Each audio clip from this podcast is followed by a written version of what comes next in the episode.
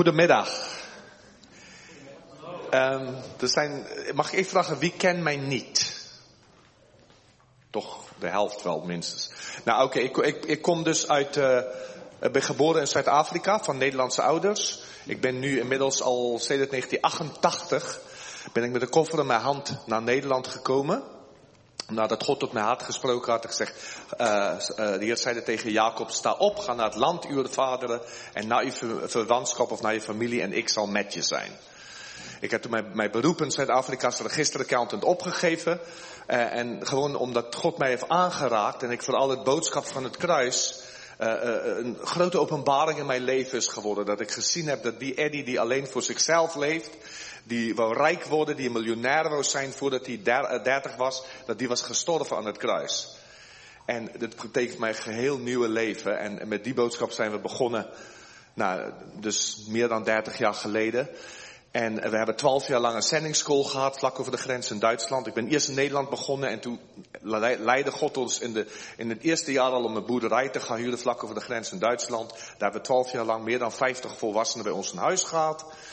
En toen zijn we de belang van de gemeente gaan zien. En, en, uh, um, hebben wij 22 jaar geleden een gemeente gesticht in Noordhorn.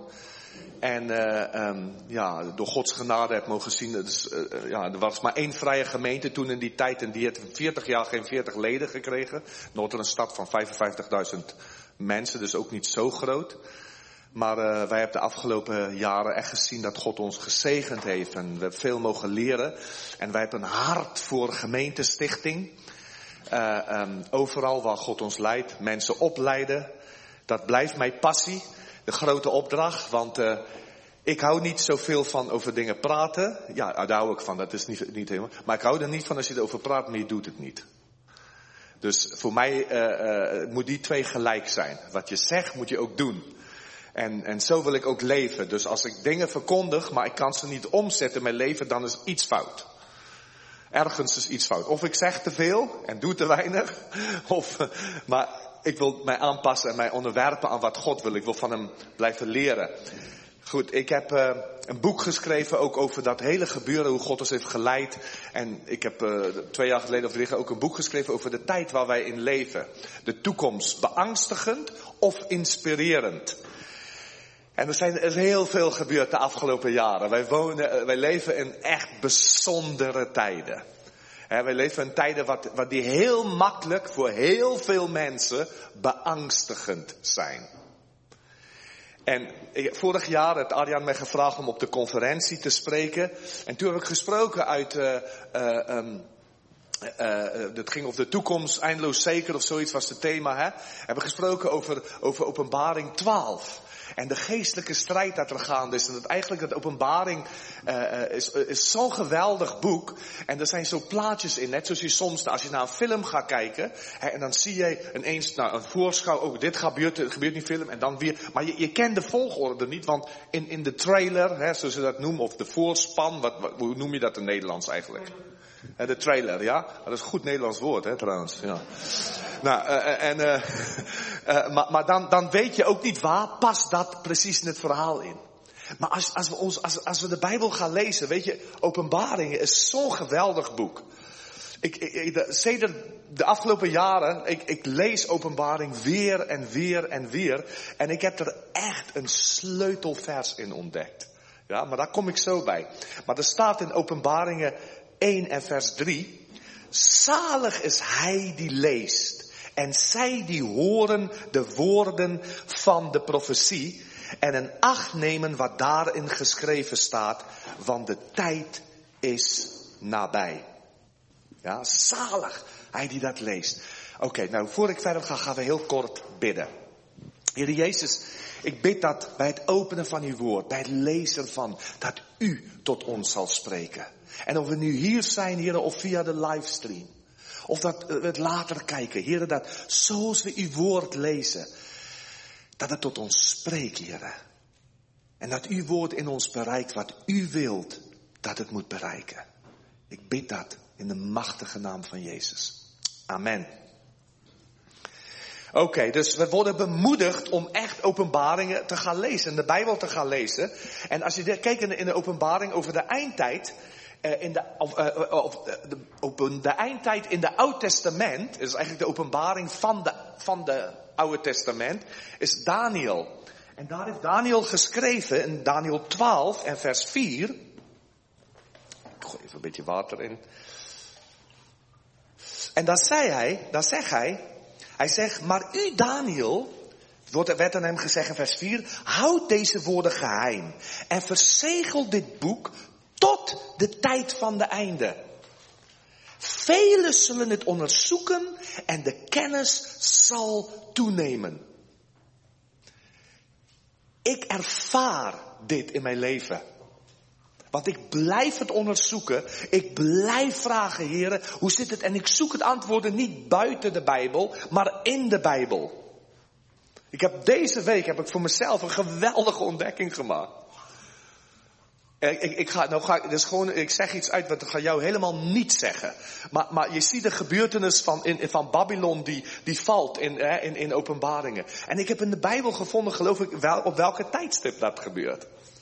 In de Bijbel. Niet buiten de Bijbel, niet met een rare visioen of niks. In de Bijbel. In Gods woord. Maar we hebben een geweldige strijd. Ik heb, ik heb op de conferentie vorig jaar heb ik laten zien die geweldige strijd. Hoe de duivel van het, uit de hemel was. hij was een van de, van de, van de aartsengelen en hij met een derde van de engelen gerebelleerd heeft tegen God. Uit de hemel gegooid is in de hemelse gewesten. Hoe hij vecht tegen Israël. Dat het volk ook, dat, dat, dat het mannelijke kind zou voorbrengen, dat Jezus zou voorbrengen. Hun vervolgen, dat zien we vandaag nog, als God, Gods aardse volk. En ook dat is heel belangrijk, want zij hebben een belangrijke rol in dat eindtijd te spelen. Daarom heeft God hen weer opgericht. Daarom heeft God hen tot weer een machtige natie laten worden. Maar ook de christenen, hoe hij alles wat van God is en hoe hij aanvalt, en, en, en, en nou, we hebben gezien, wij leven dus in die strijd. En ik weet niet hoe jij het voelt, maar, maar soms als je ziet hè, het hele woke gebeuren. Of alles wat over de internet, wat je maar hoort en die wordt weer gecanceld. En, en als je denkt dat ze al zo machtig wordt dat ze gewoon een president van Twitter afhalen, van weet ik veel over. Dat, dat, nou soms al die dingen, of dit hele transgender debat en al die dat benauwt mij soms een beetje. Dan denk je, wat moet worden van Gods kerk? Of niet? He, dan heb je soms, en sommige, soms heb christenen die gevoel, laten wij ons maar alleen verstoppen, hè, een kleine beetje, een paar van ons blijft over. En alsjeblieft, de Heer gaat ons komen halen hier met een, en ontstaat misschien een ontsnappingstheologie. Want hier op aarde is niets meer. En dan denken wij, als je, op, als je openbaring 12 vers 9 leest, uh, uh, daar, daar staat, de grote draak werd neergeworpen, namelijk de oude slang, die de duivel en Satan genoemd wordt, die de gehele wereld misleidt. Dat is heftig, hè? Dat hij zo'n invloed krijgt. Er staat ook over de antichrist mag gegeven worden over volken, talen, natie. Maar als je dat leest, die de gehele wereld misleidt, dan, dan denk je, wauw, man, hoe, hoe kunnen wij dan nog als Gods kerk, hoe kunnen wij overwinnen? Nou, ik wil jullie vanmiddag zeggen, dit is niet een overwinningstekst voor hem. Hij wordt neergeworpen, hè? maar hij die de hele wereld misleidt, dat is niet de overwinning. Weet je wat de overwinning is? Die overwinning die staat in Filippenzen. Heel bekend tekst voor iedereen van jullie, denk ik. Als je, vooral als je in de Bijbelschool deelneemt natuurlijk. Hè? Filippenzen 2 vanaf vers 9. Daarom heeft God hem ook bovenmate verhoogd. En hem een naam geschonken boven alle naam. Opdat in de naam van Jezus elke knie zou buigen van hen die in de hemel en op aarde en onder de aarde zijn. En elke tong zou beleiden dat Jezus Christus de Heer is tot heerlijkheid van God de Vader. Dat is de overwinningstekst. Dat is waar deze verhaal gaat eindigen.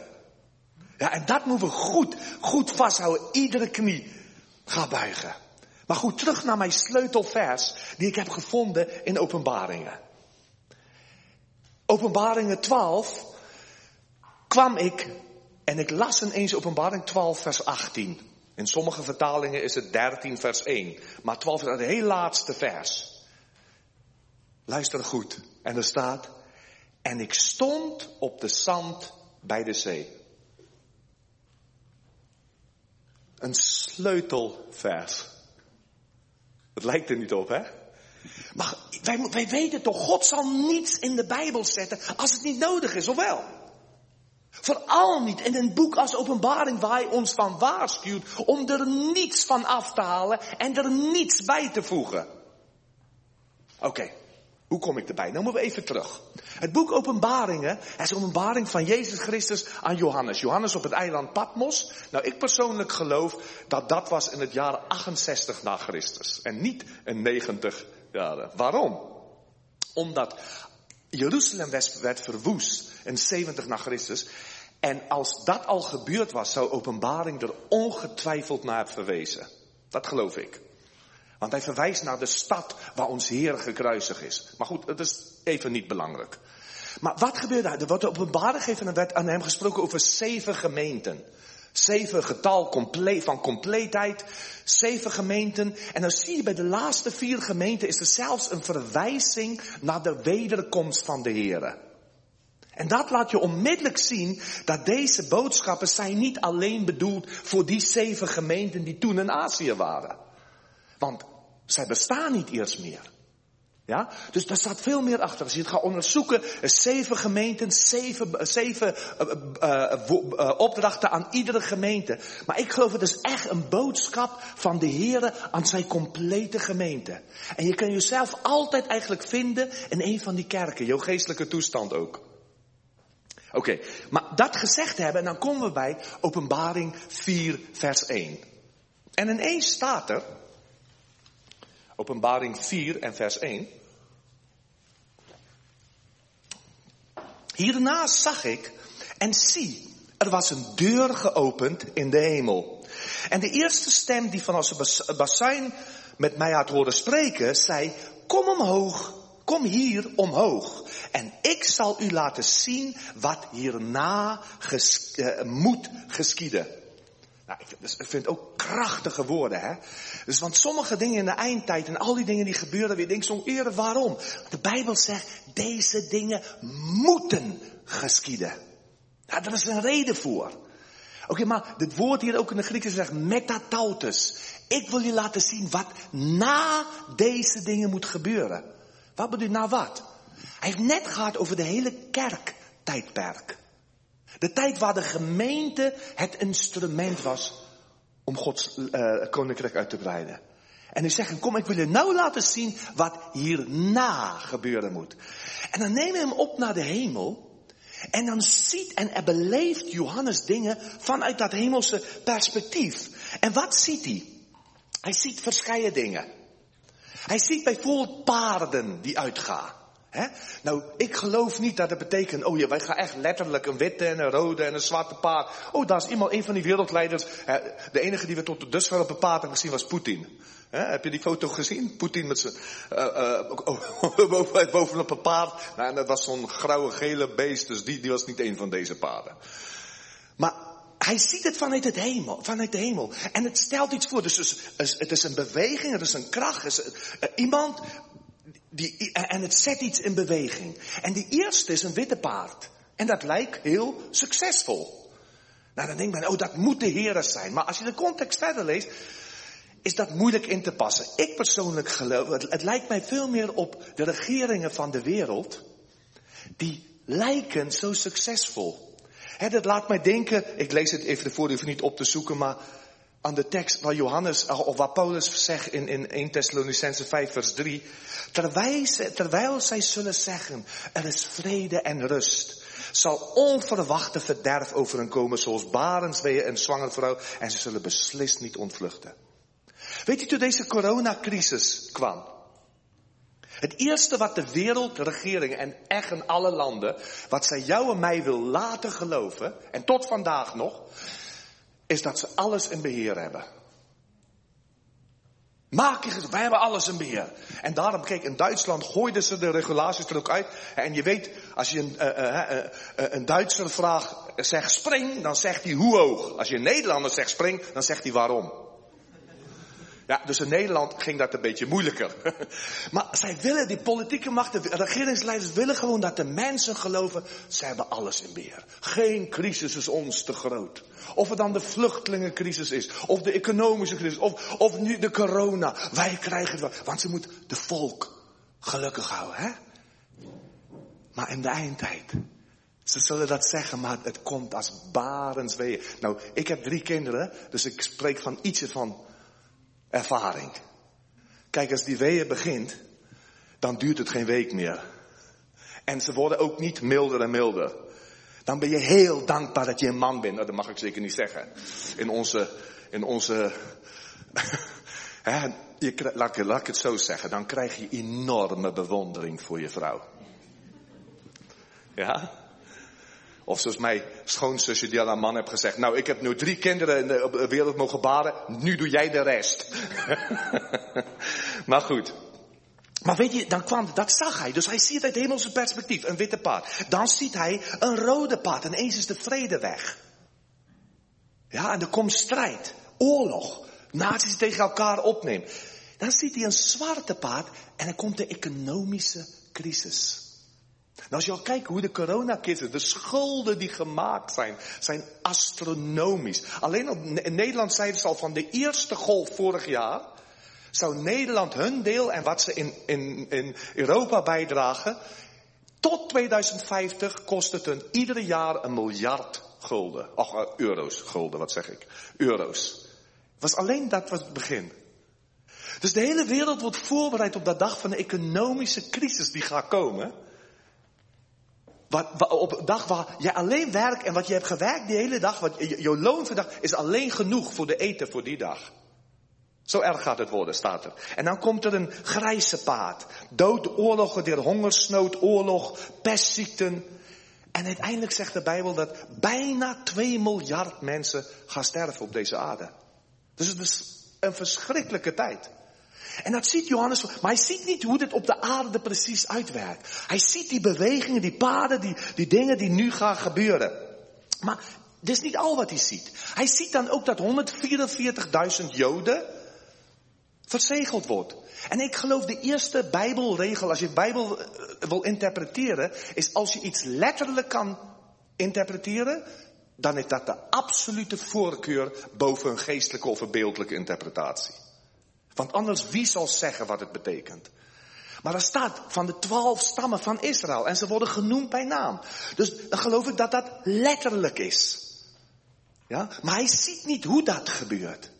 En dan ziet hij als gevolg van hun werk, ziet dat een grote menigte gered gaat worden. Die niemand kan tellen. Maar hij weet niet, hij ziet niet hoe. Ja, maar dat zijn van die dingen wat, wat hij ziet. En dan komt hij uiteindelijk bij openbaring 12 en hij ziet die, hij, hem wordt laten zien als een beeld. Dan staat er ook, dit is een beeld. Dus dan moet je het gaan beelden en dan moet je gaan schrift met schrift vergelijken. En kijken. En dan ziet hij hoe de duivel uit de hemel gewoven, hoe hij Israël vervolgt. En hij ziet de overwinning van, van de broeders. En dan ineens staat openbaring 12 vers 18. En ik stond op de zand bij de zee. Wat, wat wordt hiermee bedoeld? Hij was de hele tijd, hij zag dingen uit een hemelse perspectief. En ineens staat hij op de aarde. En nu ziet hij dingen die op de aarde gebeuren. En wat ziet hij dan in openbaring 13? Zie hij dat er een mens komt, dat in de duivel hem bezeten, die dan de Bijbel de antichrist noemt, maar iemand die zichzelf opwerpt als wereldleider en die wil dat hij aanbidt, aan, aan, dat mensen hem aanbidden. Dan ziet hij dat mensen niet kan kopen of verkopen, tenzij ze een merkteken aanvaren. En deze hele crisis, wij zien ook hoe, hoe rondom dit crisis de systemen misbruikt zijn om te kijken. De eindresultaat van deze crisis gaat zijn. Nou, nou weten we hoe ver zijn mensen bereid om hun vrijheden op te geven. En je gaat steeds meer naar een digitale bewijs voor dingen, hè? Wat, zoals we ook al met ons bankkaartjes eh, doen en zo meer. Het wordt steeds makkelijker te controleren. Maar hij ziet nog meer. Weet je, hij ziet ineens, hij ziet legers op aarde. En ik ga niet naar al die teksten, maar ik noem ze gewoon. Hij, hij, hij ziet legers, legers die komen, die optrekken tegen Israël, openbaring 19 vers 18. Hij ziet wereldmachten ge, uh, voorgesteld als steden. de stad waar de macht ligt. Uit Berlijn is besloten. In Londen hebben ze besloten. Uit Washington komt het woord. Dan weet je, oh, dat is Amerika, dat is Duitsland, dat is uit Parijs, dat is Frankrijk. Daar was vaak de regeringszetel van autoriteit. Dus dat ziet hij. Hij ziet koningen. Hij ziet koningen die, die opstaan en die tegen Israël gaan vechten. Hij ziet dat ze kom oorlog maken. En dan ziet hij, ziet hij de overwinning. Maar een praktische overwinning op deze aarde. Openbaring 19, vers 20. Dat wil ik wel even lezen.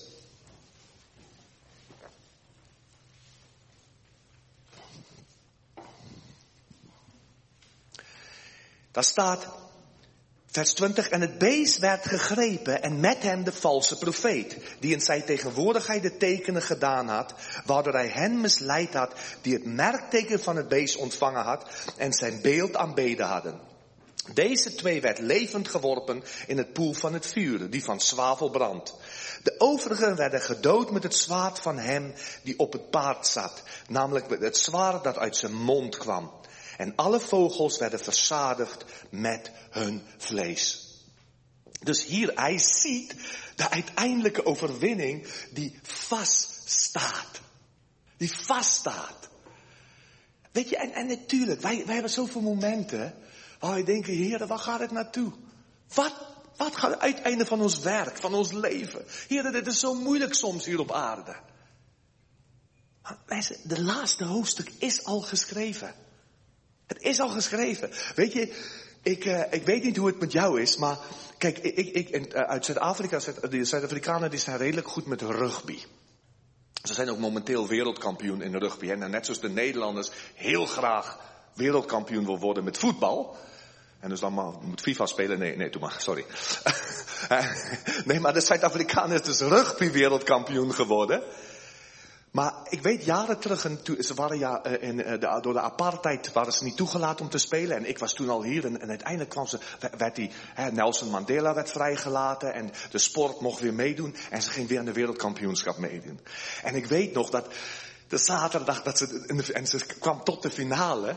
En, en ik moest spreken die dag, dus ik kon het niet kijken. Dus ik vroeg mijn, mijn schoonmoeder en, en, en die zou het voor mij opnemen, nog op een videocassette, voor wie nog weet wat dat is. maar niemand mocht me vertellen wat er al gebeurd was. Weet je, ik wou het niet weten, ik wou het niet weten. Want ik wil het zien. Weet je? Maar nou soms, je kan ook op YouTube, als je wil, kan een keer oude sportwedstrijden, als je iets daarvan houdt, gaat terugkijken. En soms dan weet je de uitslag al. Maar het blijft spannend. Want oh, is dat leuk als ze winnen, hè, toch? Hè, je kijkt, misschien hou je van voetbal, als je die doelpunt nog weer even kijkt, man. Of als, als je iets anders waar je van houdt. Even nog zien dat mooie schaatsmoment. Of weet ik veel waar je, waar je van houdt. Ik, ik zelf hou van sport, dat merk je wel.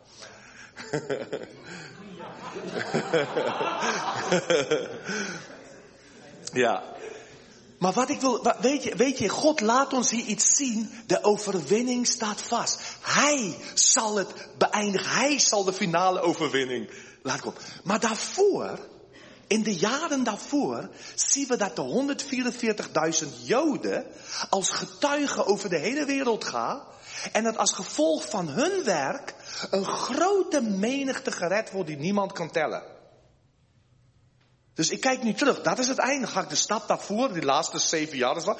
Maar daarvoor, hun werk is alleen mogelijk door de overwinning die God door jou en mij wil doen. En dan kijken we even weer in Openbaring 12 en vers 10.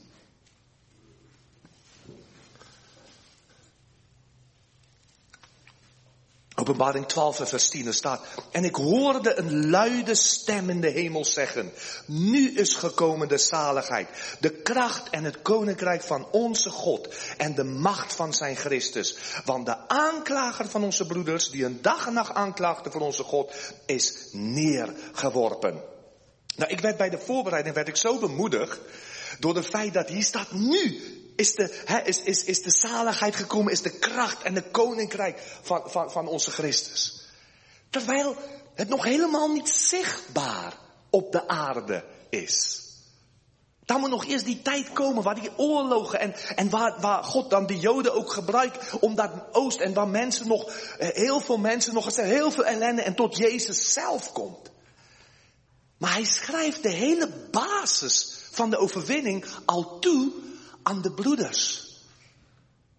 Dat sluit de zusters in, dat, dat hoop ik dat, dat weten jullie.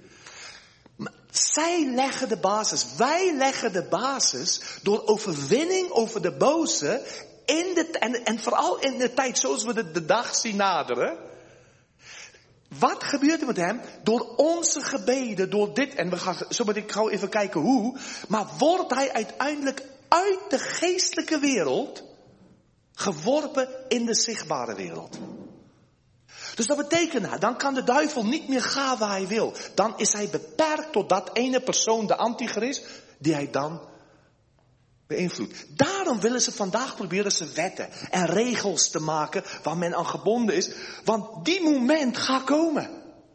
En begrijp je dat het dan ook makkelijker voor mensen wordt om tot geloof te komen? Want de geestelijke invloed is weg. En daar moeten wij voor zorgen. Maar hoe? De volgende vers zegt. Zij hebben hem overwonnen door het bloed van het lam, door het woord van hun getuigenis, en ze hebben leven niet lief gehad tot in de dood. Dus hebben overwonnen door het bloed van het lam. Zie, wij hebben geen kans als mensen tegen de duivel en zijn demonen. Je hebt geen kans. En het moment als hij jou kan pakken, als hij jou kan kapotmaken, dan zal hij, zal het niet nalaten. Maar hij moet een recht daartoe hebben. Hij moet een open deur bij jou en mij vinden. En als die er komt, maakt en wij alle maken fouten. We hebben alle gezondigd en komen tekort aan de glorie van God. Maar daarvoor kwam Jezus en betaalde met zijn bloed. Nou, dit bemoedigt mij zo, want als, als ik nou lees 1 Johannes 5, oh 1 Johannes 1, vanaf vers 5, en ik, dit zijn teksten die zijn voor jullie allemaal denk ik heel bekend. 1 Johannes 1 vanaf vers 5.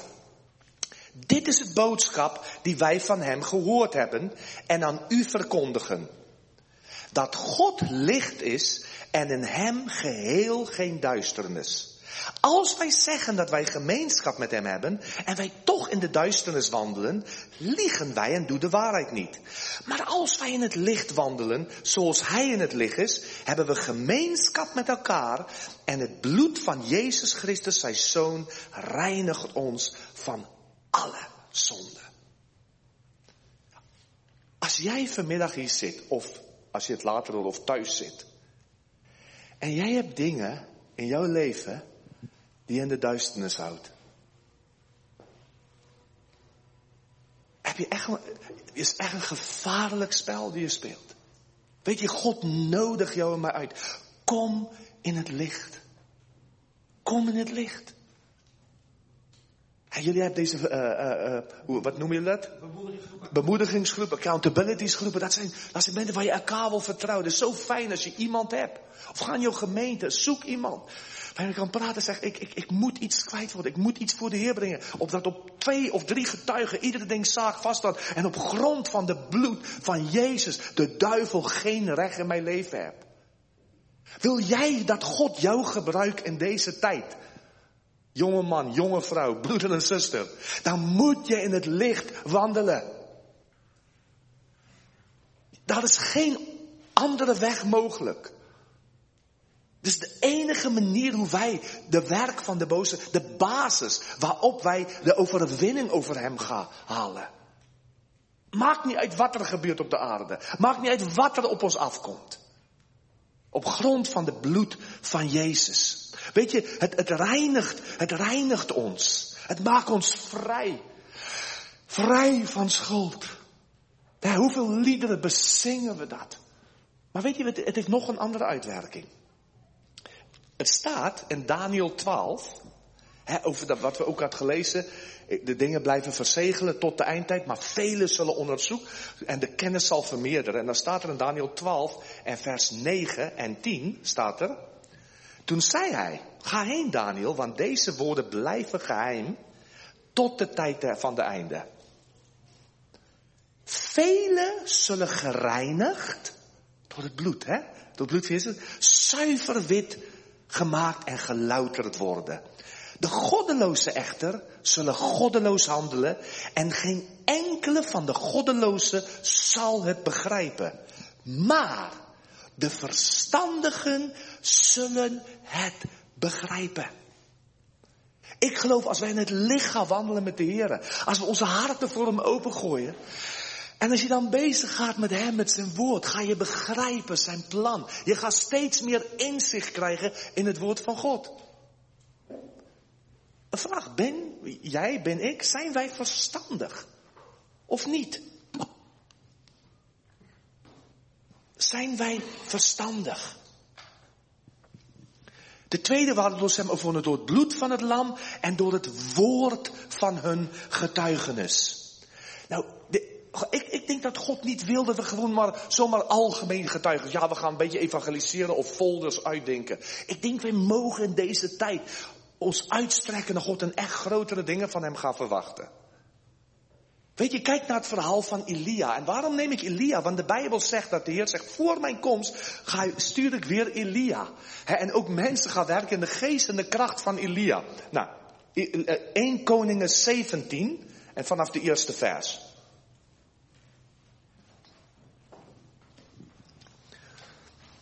En Elia, vers 1, de Tisbiet, uit de inwoners van Gilead zei tegen Agab, zo waar de Heere, de God van Israël leeft, voor wiens aangezicht ik sta.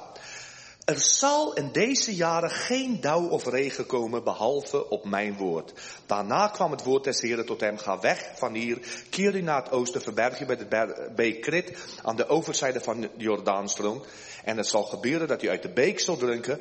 Ik, verder heb ik raven geboden om u daar te onderhouden. Nou, dat is heftig, hè? Dan denk je, ja, maar zo'n grote profeet uit de oudheid, maar uit het Oud Testament. Maar wat zegt de Bijbel niet? Elia was een mens zoals wij. Mensen, dit daagt mij uit. Dit daagt mij werkelijk uit. Dat ik denk, heren, wil u mij niet misschien voor nog grotere dingen gebruiken? Wil u niet onze gemeente, als wij gaan bidden, dat bepaalde dingen in onze dorp of stad niet moeten gebeuren? Heren, wij willen u bidden, wil u ingrijpen, wil u uw machtige hand uitstrekken? Heren, wil u, waar het nodig, wonderen doen? Ik wil niet klein gaan denken. Ik wil niet denken, ach, we zijn maar hier op en we maar overleven, want, oh ja, ach man, de duivel heeft de de wereld misleid. Wij dienen een grote, machtige God. En de overwinning staat al vast. Dus ik wil gaan groeien in mijn geloof. Ik wil zeggen, heren, kunnen we nog grotere dingen van u verwachten? Kunnen we u nog grotere stappen vertrouwen? Ik wil, ik wil gaan moed ontvangen voor zieken te bidden. Ik wil gaan moed. En, en soms worden ze niet genezen. Maar dat betekent niet, ik wil ophouden om te vragen. Ik heb onderweg hier naartoe is één keer in mijn leven gebeurd. Eén keer dat ik de gevoel had dat ik moest bidden voor iemand die gestorven was. En ik heb het niet gedurfd. Ik heb onderweg hier naartoe nog in de auto, heb ik nog weer eerder gezegd, ach heer, ik, ik, ik, ben zo, ik ben zo spijt dat ik het niet probeer. Het is al jaren geleden. Maar als het ooit weer komt, want u bent dezelfde God, dan wil ik gehoorzaam zijn. Ik wil, al moet ik een gek van mezelf maken, de omstandigheden waren eigenlijk goed. Ik had iedereen uit kunnen sturen. Dat deed Jezus ook, dat deed Elia ook, toch? Maar ik wilde hier gaan vertrouwen. Broeder en zuster, jongen, God wil grote dingen gaan doen in deze tijd waar wij leven. De aanslag van de vijand is overweldigend. Maar Godse, Godse kracht is nog veel groter. En hij wil jou en mij gaan gebruiken. Nou, ik bedoel dat hij zegt, het gaat niet regenen, behalve op mijn woord. Wauw, dat God een mens zoveel autoriteit geeft. En wat doe hij dan daar? God zegt aan hem, jij moet nou een lockdown. Je moet even weg. jij moet jezelf gaan verbergen. Jij moet even tijd alleen, alleen gaan hebben. God gaat, waarom? En het duurde drieënhalf jaar. Maar God ging hem voorbereiden op de confrontatie met 400 Baalprofeten.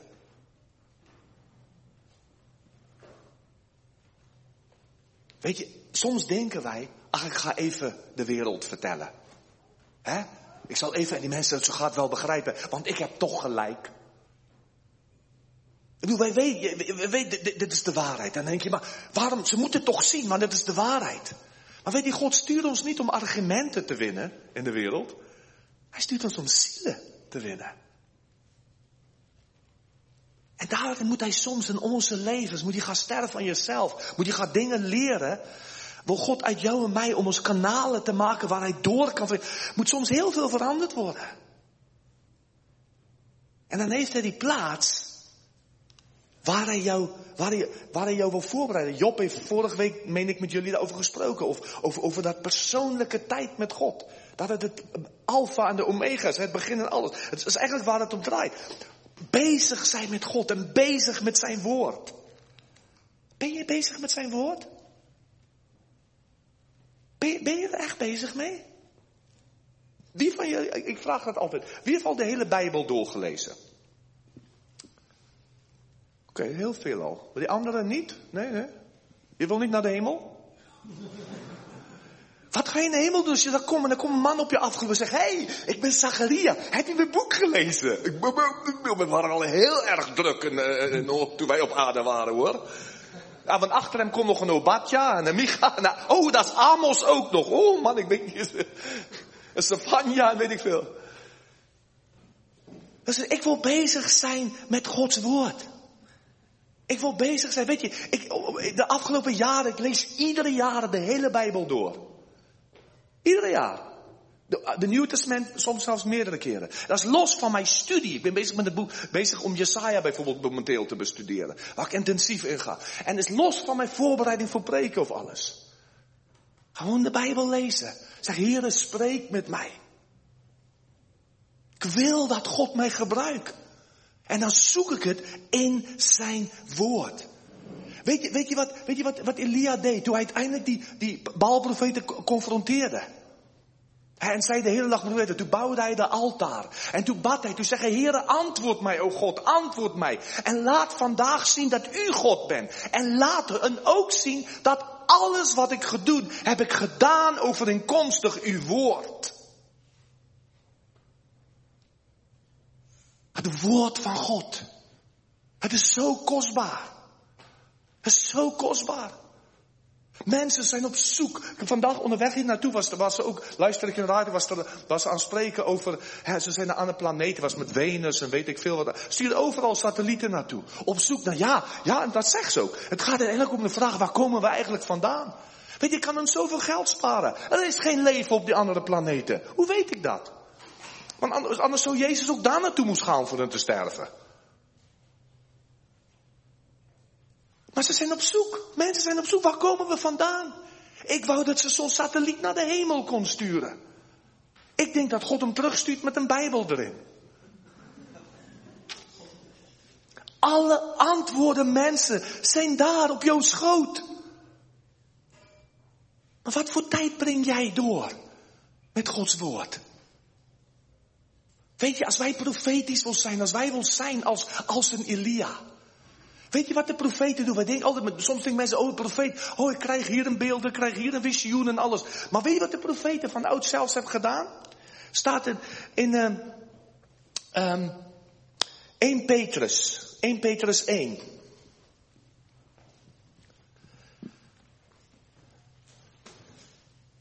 En weet je, als je dit leest, wat wij moeten beseffen, het staat in de Bijbel, in, in Hosea 12, meen ik, staat er, vers 14 staat, dat door een profeet heeft God Israël uit Egypte geleid. En door een profeet heeft hij hun bewaard.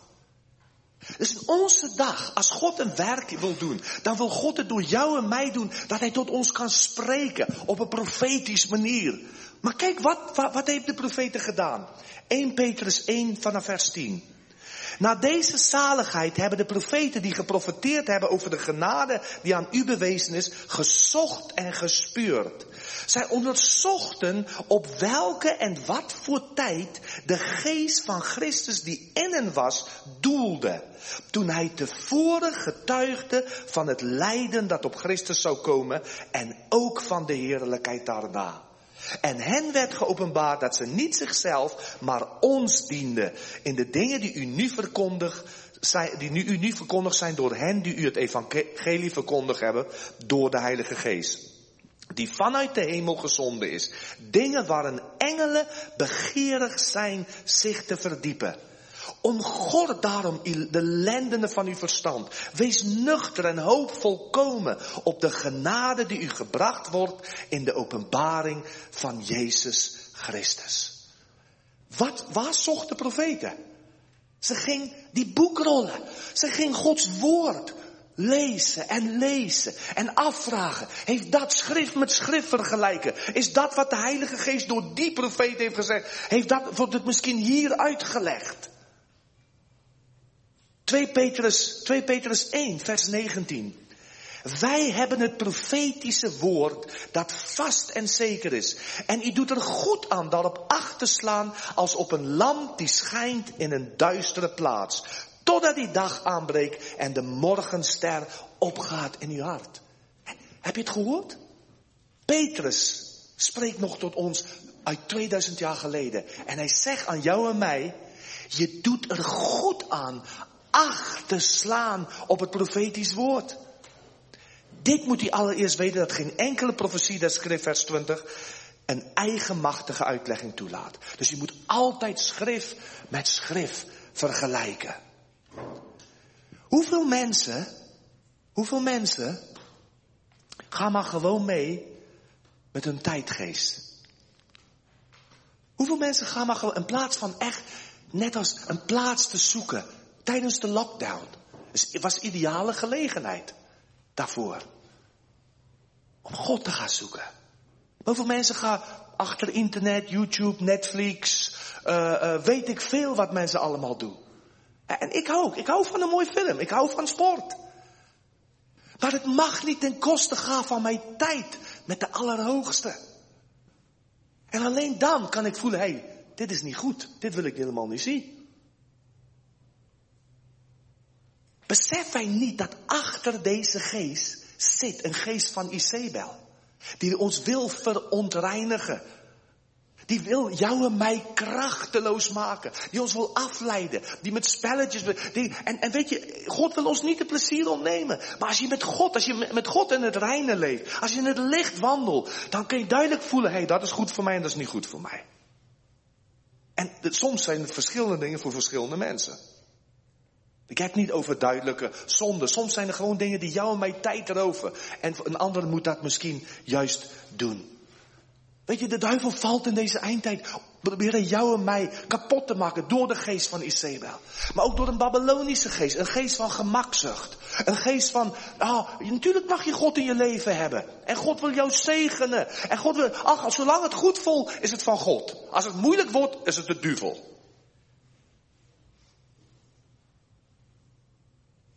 Weet je, de eerste, de, uh, Isabel valt je lichaam aan en wil je jou mij verontreinigen. De tweede, mijn gevoelsleven, mijn gedachtenwereld.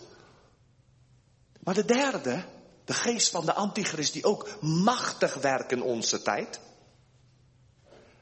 Die gaat om het hart. Die wil die aanbidding hebben. Die wil, daar is geen plaats voor God. En laat God toch varen. God, eh, eh, hij, hij ziet niet om naar jou, hij heeft jou niet lief. Jij besluit zelf wat je moet doen. Leef voor jezelf.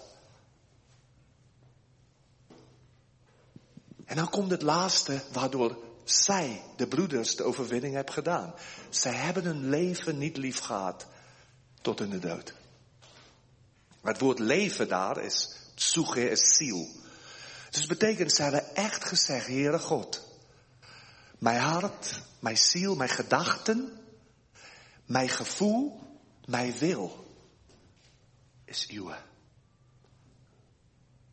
Weet je hoe vaak beginnen mensen om met Jezus te leven? Hoe vaak beginnen christenen en dan, oh zo blij en we gaan alles doen en dan laat God niet toe om diep te gaan werken en snijden. En dan lijkt het wel of de duivel gezegevierd heeft in hun leven. Want hun leven lijkt alles anders als die van die deel hebben aan de overwinning. Weet je, de overwinning over de boze in deze tijd begint met de naam van Jezus op ons lippen. Gereinigd door zijn bloed. Heer, ik geloof in u. Proclameer zijn naam. Maar hij wordt vervolmaakt door de karakter van Jezus in ons hart. Wij moeten daar naartoe komen dat we met Jezus uiteindelijk gaan kan zeggen, de boze, de overste deze wereld komt. Maar aan mij heeft hij niets. Ben je op die weg? Ben je daarvoor aan het vechten?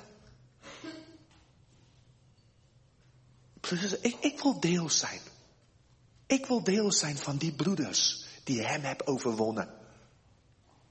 Ik wil deel zijn van, van een kerk, van een gemeente. En daar gaan we straks naar kijken. Maar, die, die, die, die zeggen, Heere God, wij willen instrumenten in uw hand zijn. Ik wil mij niet laten benauwen door wat ik zie in de wereld. Ik wil niet moedeloos worden. Als ik denk, heren, er zijn zoveel mensen die moeten geloven. Bij sommigen gaat het snel. Bij sommigen heb ik één of twee woorden van een bemoediging moet zeggen. En mensen gaf een leven aan de heren. Bij anderen de squashgroep. Ik hou van sport. Hè, waar ik squash speel. Tien mannen, ongelovige mannen. In tien of tien, vijftien jaar heb ik maar nog maar twee gelegenheden gehad om te getuigen. Maar ik blijf bidden voor hem. Ze staat op mijn gebedslijst. Tenminste één keer per week. Want ik wacht. Ik wil door het woord van mijn getuigenis vertellen van Hem die mijn ziel lief hebt. Ik wil hem vertellen. Is niet een inenting wat jou gaat vrede geven, wat jouw angst gaat wegnemen. Maar de Heer Jezus en zijn liefde voor jou en de liefde die alle vrees naar buiten drijft. Ik wil niet dat hij stopt met mij. Ik weet dat is veel werk. Ik weet dat zij zegt van, ze hebben een leven niet lief gehad in de dood. Dan weet ik, dat zijn echt dingen. Hè, dat zei Job ook. Hij zegt wat, hij wil, ik kon me zo mee identificeren. Dat hij zegt, ja, ik, ik kan soms ongeduldig zijn. Dan weet ik, ik moet nog een betere vader worden. Een betere opa, een betere echtgenoot. Betere vriend. Maar ik wil dat Jezus zijn overwinning duidelijk wordt. Want iedere tong zal beleiden en iedere knie zal zich buigen. En hij wil jou en mij gebruiken. Dan zeg ik, hier, kom. En misschien wil je het met mij zeggen. Als we deze eerste sessie afsluiten. Misschien wil je zeggen, Here, ik wil ook in de geest en kracht van Elia machtig door u gebruikt worden. Heer, hier zijn we. Heer, ik wil niet dat de mensen die vaker op mijn weg komen, dat ze verloren gaan, dat ze eeuwig, eeuwig verloren zijn, Heer.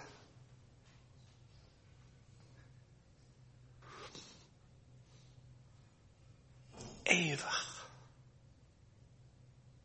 Heer, ik wil bidden zelfs voor mijn vijanden, zelfs voor mensen die, die ons vervolgen. Wil ik kan leren bidden, zeg Heer, vergeven. Want ze weten niet wat ze doen. Maar ik wil dat u mij gebruikt, Heer. En ik wil bidden hier van, van, vanmiddag, Heer, ik geloof dat hier velen zitten die u vandaag ook zegt. Mag ik jou gebruiken deze tijd? Ben jij bereid je leven zo af te leggen tot in de dood? Om volledig als klei in Gods hand te zijn, mijn hand te zijn. Ik geloof dat God dat vragen, velen van ons. En jij en ik kunnen alleen zelf die vraag beantwoorden.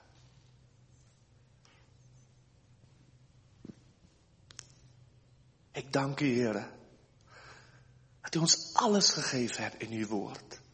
Ik bid u, Heer, dat we een blijvend honger naar uw woord zal hebben als ons dagelijks brood, Heer. Dat we zal leven. Men zal niet leven van brood alleen, maar van iedere woord dat door de Heere God gesproken wordt.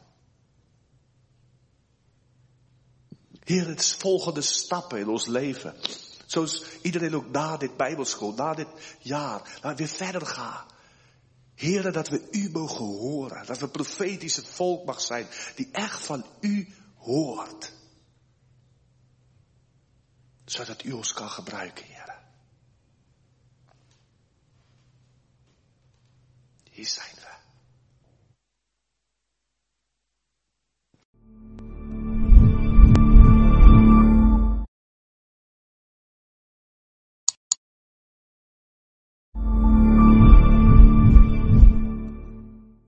Misschien kunnen we gewoon voor een moment um, stil worden. En ook thuis als je livestream meekijkt, gewoon voor een moment. Uh, weet je, Elia, die stelde zich voor en hij zegt, uh, de God voor wiens aangezicht ik sta of ik leef. En ik geloof met mijn hele hart. Ik kan me niet aan de indruk onttrekken dat ik geloof dat God ook hier onder jullie specifiek mannen en vrouwen wil roepen voor deze tijd.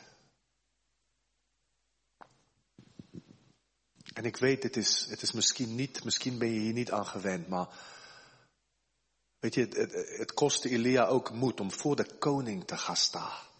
En dan zegt er gaat geen regen komen, tenzij op mijn woord. Maar hij kon dat, hij kon daar zeker wezen, omdat hij wist dat hij voor God staat. En als jij vandaag voelt, als jij wil zeggen, Heere, ik wil dat u mij gebruikt. In deze tijd. Ik, ik wil bereid zijn de prijs te betalen wat u ook van mij gaat vragen. Dan wil ik je vragen om heel kort voor het moment, ik ga niks meer dan dat vragen, om te gaan staan. En dan wil ik bidden voor wie dat vandaag aan God wil zeggen. Als je het niet wil, is het helemaal goed. Dat betekent niet dat je ongehoorzaam bent. Is misschien gewoon niet het moment waar jij voelt dat jij dit nu aan God moet zeggen. Maar als je dat wel voelt, dan wil ik je vragen om op dit moment te gaan staan. En dan wil ik voor jou bidden.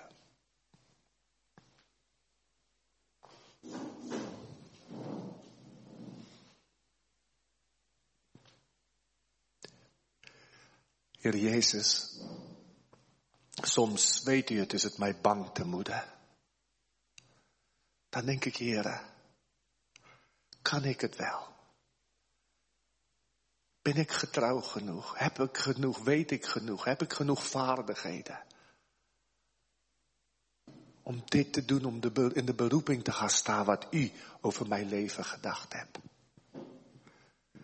Maar heren, dan moet ik ook terugkomen tot het punt waar ik moet zeggen, u koos mij toen ik nog een vijand van u was, heren. En u geeft alles wat ik nodig heb. U zal nooit iets vragen wat ik niet kan. U vraagt mij alleen om mij voor in uw hand te geven. En zeg, heren, ik wil als David zijn bereid zijn om geheel uw wil te doen. En vanmiddag, heren, sta hier mannen en vrouwen. En soms misschien met een bevende hart. Met een onzekere hart. Maar ik wil u vragen. Of u met uw geest. En iedereen wil bemoedigen. Heer, of u wil aanraken. Of u een stukje moed, geloof in het hart wil storten van uw liefde op dit moment, Heer. Bid u dat u een stukje helderheid wil brengen. Dat u voor sommigen die hier komen zeggen, ik heb zo'n vraag, ik moet weten, moeten we deze, deze stap zetten of niet? Een geloof geven, Heer, om de stap te zetten en weten, u zult het leiden.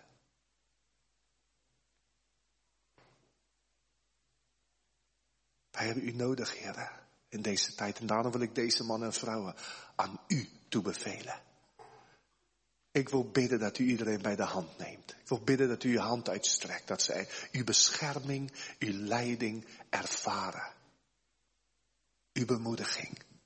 Uw nabijheid. In de wandel die voor hen ligt. En ik bid u, Heere God, ik bid u, zoals Elia bad tot u. En de grote tegenweer. Bid ik u dat u deze mannen en vrouwen gebruiken. En grote dingen gaat doen voor uw koninkrijk. In Nederland, in Europa. En waar u ook ze wel gebruiken. In Jezus' naam. Amen. Amen.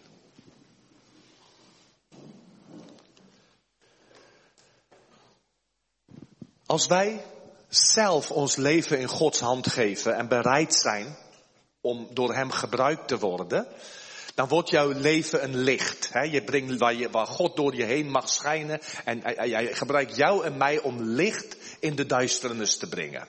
En je bent, je wordt als een lamp, zeg maar, op een tafel. En de Bijbel zegt, niemand neemt een lamp en zet hem onder de tafel en verstopt hem. Dat doe je niet. Dus, dus jouw hele reden, gij zijt het licht der wereld, zegt de Bijbel. Niet, je moet proberen het te worden. Jij bent het. Gij zijt het zout der aarde. Niet, niet, je moet proberen het te zijn. Je bent het. Ga je, het is heel onnatuurlijk dus als je als christen dat niet gaat uitleven. Maar jouw, jou en mijn getuigenis, dus als ik een licht mag zijn, dan betekent het, ik weet nog toen ik net tot bekering kwam. Ik wil mijn vrienden, ik heb ze allemaal ik, eh, tegen de muren opgejaagd. Dat ze tot geloof moest komen. En het was alsof ik niet tot hen kon doordringen, totdat iemand mij liet zien. Zeg Eddie, Petrus hè, heb Jezus verlogend. Maar toen hij vervuld werd met de geest, predikte hij één preek en 3000 mensen kwam tot bekering. Zeg maar, dit wil ik hebben. Toen heb ik gezegd, Heere, vervul mij met uw geest. En de Heer zegt, ik zal u, gij zult kracht, dynamus ontvangen. En gij zult mijn getuige zijn. En vanaf dat moment, het was of ik wist wat ik moest zeggen. Maar goed, dus je wordt een licht, je wordt een lamp. En ik ben begonnen. Hè, ik heb, ik heb uh, zelf naar, naar een huiskring, een kring gegaan. Na, na, zes maanden uh, was, ik, uh, was die kring zo groot geworden. En van al mijn vrienden, die een naar de ander kwam. En toen zei ze, nou ik moest zelf een kring gaan beginnen. Na een jaar had ik drie kringen. Maandagavond, dinsdagavond, woensdagavond. En vrijdagochtend om vijf uur ontmoette ik zelf samen nog iemand anders met een zendeling die een mentor werd in mijn leven. Om vijf uur s ochtends, voordat we naar werk gingen. En ik was zo hongerig. Ik ging zondags naar drie verschillende gemeentes op zoek naar het woord. Ik kon niet genoeg krijgen. Maar je bent dat lamp op een tafel. En overal zit je in een kring en je vertelt van wat de Heer heeft gedaan. En dan ben je dat lamp. En toch heeft de Heer nog veel meer. En dat moest ik ook leren in mijn leven. Want dat is jouw individuele getuigenis. Maar hij zegt een gemeente. Een gemeente die vervuld is van zijn geest. Een gemeente die onder zijn heerschappij staat. Die is als een stad op een berg. En iedereen moet het zien. En eens wordt het iets van waar, waar mensen met hun kinderen die met drugsproblemen hebben, of huwelijken die een probleem Denk, waar kunnen we naartoe gaan? Ze horen van iemand die zegt, bij die gemeente, bij die groep, heb ik hulp gevonden. En eens wordt, wordt iedereen bekend, man, die mensen hebben een uitwerking op een omgeving. Het is een hele andere dynamiek wat het heeft. Veel, veel groter. Daarom kan ik nu al zeggen, geloof ik helemaal niet dat, ja, nou deze tijd waar we leven, die, die hele huiskringbeweging, dat dat het antwoord is. Ik geloof, je hebt altijd tijden van en-en. Maar Gods plan is nog steeds om duidelijke gemeenten in iedere plaats. Dus zoals de tempel in Jeruzalem. Je kon niet in Jeruzalem zeggen, oh, die tijd, ach, we gaan niet meer naar de tempel. Ik bouw me wel zo'n klein tempeltje thuis en dan kan ik net zo, ja, een beetje naar kijken. Nee, daar was Godse tegenwoordigheid in die tempel in het Oude Testament, of niet? En in het Nieuw Testament is Godse tegenwoordigheid in zijn gemeente. Daar manifesteert hij zich. Is wat twee of drie in mijn naam, een parig iets, een symfonio is dat, in symfonie zijn, daar ben ik in het midden. En, en hij zegt dat is de gemeente, is de kandelaar. En als ze van een eerste liefde weggaat, zal ik de kandelaar van zijn plaats nemen. Dan zal ze niet meer bij licht zijn. Het is iets, het is iets heel geweldigs. En er zijn verschillende redenen voor waarom, waarom God dat zo heeft bedacht. Waarom dat een goddelijke plan is. Ga eens met mij mee naar Hebreeën hoofdstuk 10. Hebreeën hoofdstuk 10 en vers 22.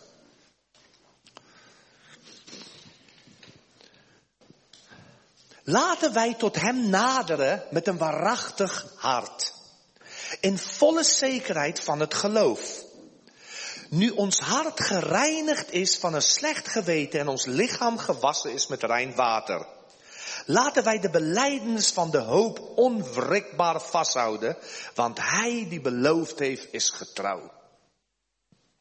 En laten wij op elkaar letten, door elkaar aan te vuren tot liefde en goede werken. Laten wij de onderlinge bijeenkomst niet nalaten, zoals bij sommigen het gewoonte is, maar elkaar aansporen en dat zoveel te meer als u de grote dag ziet naderen. Nou, eerstens, sommige mensen denken, ach je kan in de Bijbel nooit weten, eh, we zal nooit de dag of de, de uur weten, dat, dat snap ik. Maar de Bijbel spreekt herhaalde keren, wanneer gij al deze dingen ziet beginnen te gebeuren, hef uw hoofd omhoog. Toch? Dus daar moet een erkenning zijn van, jongens, ik geloof dat deze dingen zijn begonnen te gebeuren. Ik geloof dat mijn hele hart. En hier zegt hij, naarmate gij die dag ziet naderen, dus jij gaat het zien. Ik weet niet hoe jij voelt, maar ik voel, ik zie heel duidelijk de dag naderen. Het is niet meer zo ver. Er komt de Heer Jezus. Zal de oorlog voorbij zijn. En niet oog zal hem zien. Weet je, maar wat spoort hij aan? Hij zegt, in die context. Heb je al ooit in die context gelezen? Dat er in die context zegt, juist in de eindtijd. Verzuim je onderlinge bijeenkomst niet. Eigenlijk zegt hij, jongens, jullie hebben elkaar nodig. Je kan niet alleen. Je kan niet een lone ranger cowboy zijn. Ik en mijn bijbeltje en mijn internet. alle broeders waar ik niet van hou, kom achter de spamfilter. We hebben dit jaar moesten ook natuurlijk heel veel Zoom bijeenkomsten gehad. Maar ik, dat kwam ook een moment waar ik zeg, jongens, dit is geweldig. En wij hebben echt geprobeerd om het leven te houden. Hè?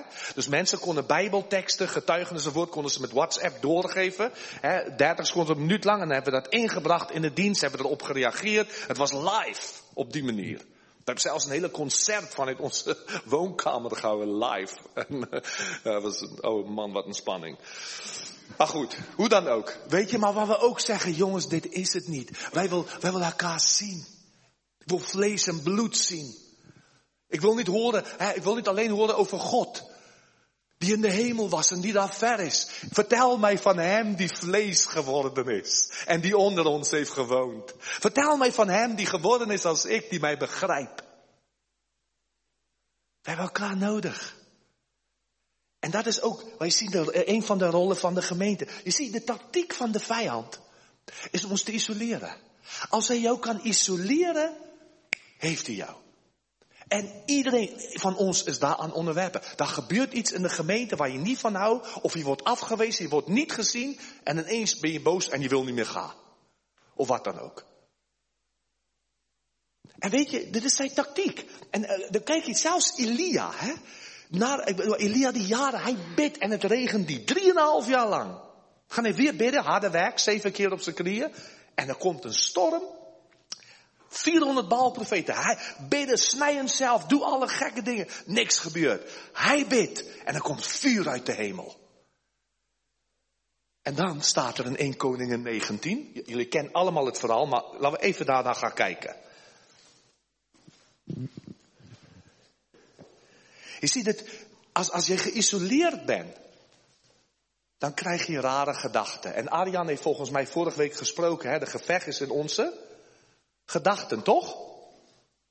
De, de strijd, de geestelijke strijd in onze gedachten. Weet je, ik doe, hij vuur uit de hemel, het regen weer. De koning weet het, de hele volk weet het, dat God met hem was. Dat hij gelijk had. Het was niet de Baalprofeten, maar hij is de boodschap van Elia, de God van Israël.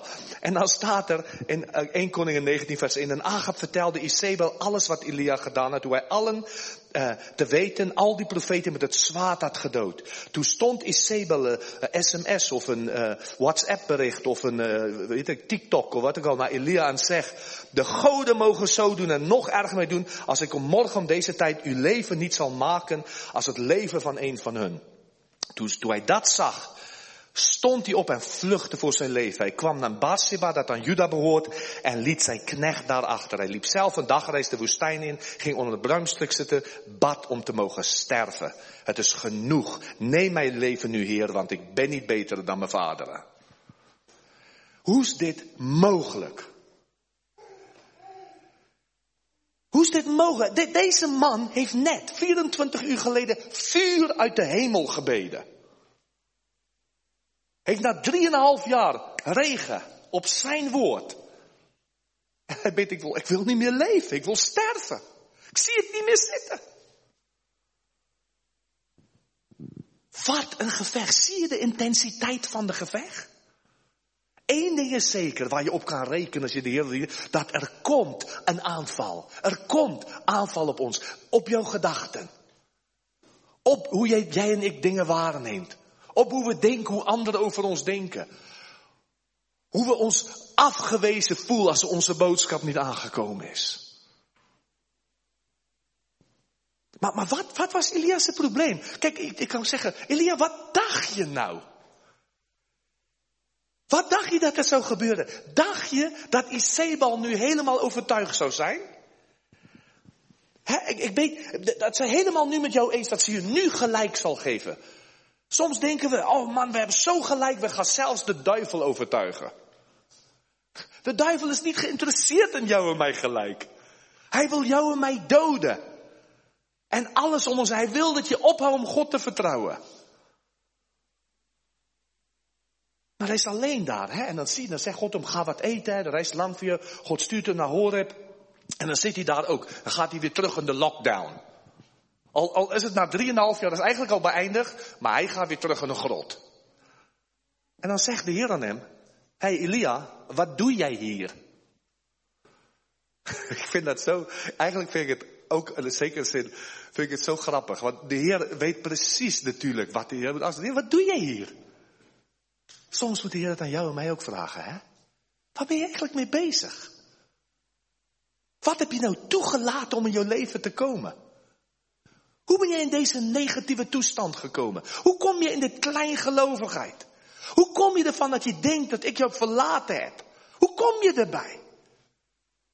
Heb je jou geïsoleerd van broeders en zusters? Ben je alleen? Heb je gedacht, ik ben sterk genoeg? Ik red het nu wel?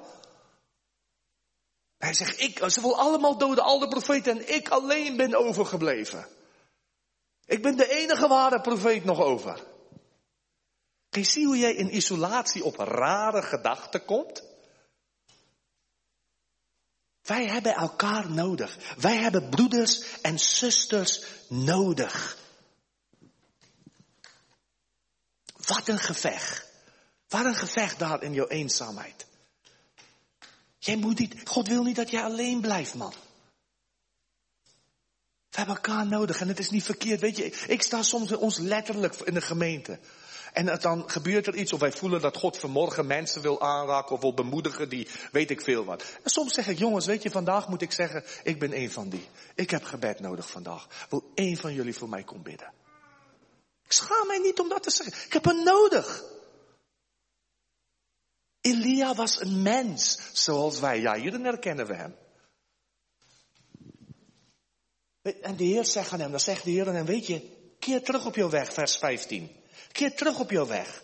Ga naar Damascus en als hij daar komt, zal hij Hazael salven over koningen. Dus God zegt aan hem, luister, in de naties, in de volken is nog steeds weg. Ga heen, maak discipelen van alle naties. Ik wil jou vanmiddag zeggen, er is nog werk te doen in heel Europa. Er is werk te doen in Indië, in Afrika. Er is werk te doen, maar wie zal ik zenden en wie zal voor ons gaan? Ja, dan zit een paar in een grot en ach, ik ben zo zielig. Wat doe jij hier? Ik heb werk voor jou. Ik heb een opdracht voor jou. En niet alleen in de naties, ook. Hij zegt hier, jij zal Jehu salven tot koning, uh, uh, um, de zoon van Nimsi tot koning over Israël. Dus ook in Nederland is er werk. Hier is werk, er moeten leiders opgeleid worden, leiders aangesteld worden. Hier is werk te doen. En Elisa, tot profeet in jouw plaats. Je moet, de, de discipelschap moet doorgaan. Je moet dat wat je hebt doorgeven aan anderen. Dat is werk voor de gemeente, weet je. En, ik denk, weet soms vergeten we de belangrijkheid van de gemeente. Ga met me alsjeblieft naar Efeze hoofdstuk 3.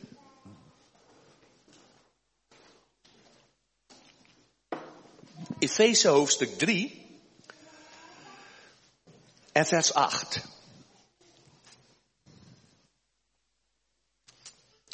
Dan zegt Paulus, mij, de allerminste van alle heiligen, is deze genade gegeven om onder de heidenen het evangelie, door het evangelie de onnaspeurlijke rijkdommen van Christus te verkondigen en alle te verlichten opdat zij mogen begrijpen wat de gemeenschap aan het geheimenis inhoudt, dat door de eeuwen heen verborgen geweest in God. Nou, jullie hebben denk ik in deze bijbelschool al jaren ook, heb je veel gehoord. En dit is ook, ik weet, dit is een verlangen van deze school, dat je rijkdommen mag ontdekken in Christus. Maar weet je, Paulus zegt, dit is niet al. Hij gaat verder, hij zegt, aan God die alle dingen geschapen heeft, opdat nu, en dan zeg je ook, door de gemeente, aan de overheden en de machten in de hemelse gewesten de veelvuldige wijsheid van God bekend gemaakt zou worden. Dus ook dat wat je hier geleerd hebt, wat helpt het jou als dat niet verder bekend gaat worden? Als jij het niet gaat verder uitgeven? Als je niet kan dienen, jouw plaats vinden in de gemeente. Ga zeggen, ik wil, ik wil anderen bemoedigen. En kijk je, dus bij Paulus zegt, zie heel duidelijk dat de gemeente is het instrument waardoor God zijn veelkleurige wijsheid aan de overheden en machten bekend wil maken. Dus als hij in de openbaring spreekt van de broeders, zij hebben hem overwonnen, dan spreekt hij over de gemeente. Met één jaag je een duizend, zegt men. Met twee tienduizend. God wil een geweldige werk doen, maar deze werk kan alleen gebeuren als wij deel van een stad op een berg. Als dat ons hart wordt, ons passie. Paulus zegt, ik heb zo'n liefde voor de gemeente, dat ik mijn leven voor haar afleg. Opdat Christus in haar gevormd zou worden. Je ziet, zijn brieven is vol. Niet alleen voor de individuele, ook wel als je over Filemon hebt, over anderen, over de individuele gelovigen. Maar over de welstand van de gemeente. Het is zo tragisch als een gemeente geworden is tot een gebouw met een klok bovenin. En that's it. In Afrika zijn er veel krachtiger gemeentes die geen gebouwen hebben. Die onder de boom bij elkaar komen. Want de gemeente is niet gebouwd, de gemeente is levende stenen. Maar dat is niet makkelijk om te bouwen. Maar het is iets wat de moeite waard is om voor te vechten, want het is het instrument dat God gebruikt, thans door de gemeente aan de overheden en machten in de hemelse gewesten, de veelvuldige wijsheid van God bekendgemaakt wordt. Volgens vers 11 het eeuwige voornemen dat hij gemaakt heeft in Christus Jezus onze Heer. Was altijd Gods plan geweest was altijd goed. Weet je, ik heb mijn werk, ik ben gekomen als zendeling. Ik, ik, ik, ik ken dat niet. Ik was teleurgesteld. Ik ben uit de gemeente gegaan, omdat ik denk, ze doen niet de grote opdracht. En ik ben als zendeling gekomen met niets, zonder ondersteuning, energie. Ons nood niet bekendgemaakt. Met koffer zeg Heer, ik wil uw woord verkondigen. En na een jaar of twee, drie, vier begonnen dat God mij steeds meer liet zien, Eddie, de gemeente. En op een gegeven moment, ik had grote open deuren. Grote kans. Ik, sprak 30 keer in 28 dagen. Ik reed op een gegeven moment in twee maanden alleen in Nederland 15.000 kilometer. En toen zei God aan mij, ik wil dat je een gemeente gaat stichten. stichten. En het begon met 17 volwassenen waren we. En dan moet je iedere zondag breken. Die mensen kijken, je hebt me deze week niet gegroet. Maar ik zag dat God wil een gemeente. Hij wil een Noordholland. Hij wil in iedere plaats een stad op de berg hebben. Dat iedereen het ziet. Opdat mensen gered zal worden. Weet je, en Jezus bad. De hele hoge priesterlijke gebed. In Johannes 17. Hè, zou je eens moeten gaan lezen. In de licht van de gemeente. Dat hij bidt. Hij zegt, vader, ik bid niet alleen voor hun. Niet alleen voor deze twaalf. Maar ik bid voor iedereen die door hen tot bekering gaat komen. Dus ook Jezus bad toen al voor ons. En dan zegt hij in Johannes 17, en dan zegt hij vers 20, ik bid niet alleen voor deze, maar ook voor hen die door hun woord in mij zullen geloven. Dat zijn ook dus wij. Opdat zij alle één zullen zijn, zoals u vader in mij en ik in u. Ook, dat zij ook in ons één zullen zijn, opdat de wereld zal geloven dat u mij gezonden heeft. Dus als zij één zijn, als we die eenheid met God en die eenheid met elkaar vinden, dan gaat de wereld zien dat Jezus door God gezonden is. Dat gaan ze zien, zeg hij. en, en, en daar bidt hij voor. Nou, een stad, zegt de Bijbel, die tegen, tegen zichzelf verdeeld is, die gaat ten gronde. Dus als jij nu de duivel was, wat zou jouw tactiek zijn, jouw strategie? Verdeeldheid. Alles probeert om broeders en zusters tegen elkaar op te zetten. Nou, weet je, soms focussen we en we hopen alleen naar een Elia. Als er maar een Elia is, hè, die gaat het werk doen. Een grote evangelist. Oh, gelukkig hebben we Arjan en die preekt ook heel veel. En die evangeliseert wel. Of we hebben Jacques, misschien Jacques Brun, en, en die kan over, hè, oh, wat zijn we er blij mee. Hè, ik bid wel voor hun, ik, ik doe niks verder. Maar weet je, God kijkt in het Nieuw Testament heel anders naar jou en mij. God wil dat zijn hele lichaam gaat werken. Er staat zelfs, gij kunt allen profiteren in 1 Korinthe 14. Allen. Dus wij kunnen alle iets van God ontvangen. Of ik, ik voel deze Bijbeltekst. Of ik ga.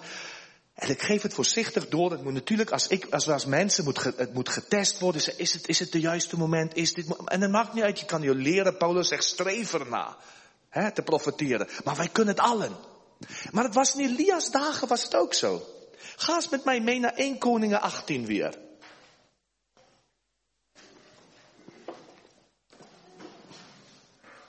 ...1 Koningen 18... ...dan zien we dat, dat Elia... ...al voelde hij zo, hè... En zei, maar hij was niet de enigste profeet. Want er staat in 1 Koningen 18...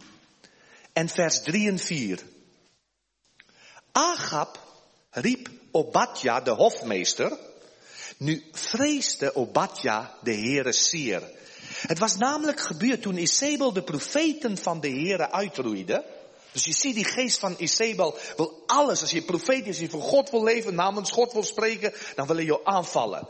En er staat dat Obadja honderd profeten nam en ze per vijftig man in een grot verborg en hen met brood en water onderhield. Ja, dus die geestelijke strijd, dat is nog steeds daar. De duivel probeert dat nog steeds. En God wil dat wij een profetische volk zijn. Ik heb dat al genoemd. Weet je, ik geloof een werkende eindtijd zie je in Efeze 4, waar hij zegt dat het hele lichaam werkt. En iedere gelid op zijn manier.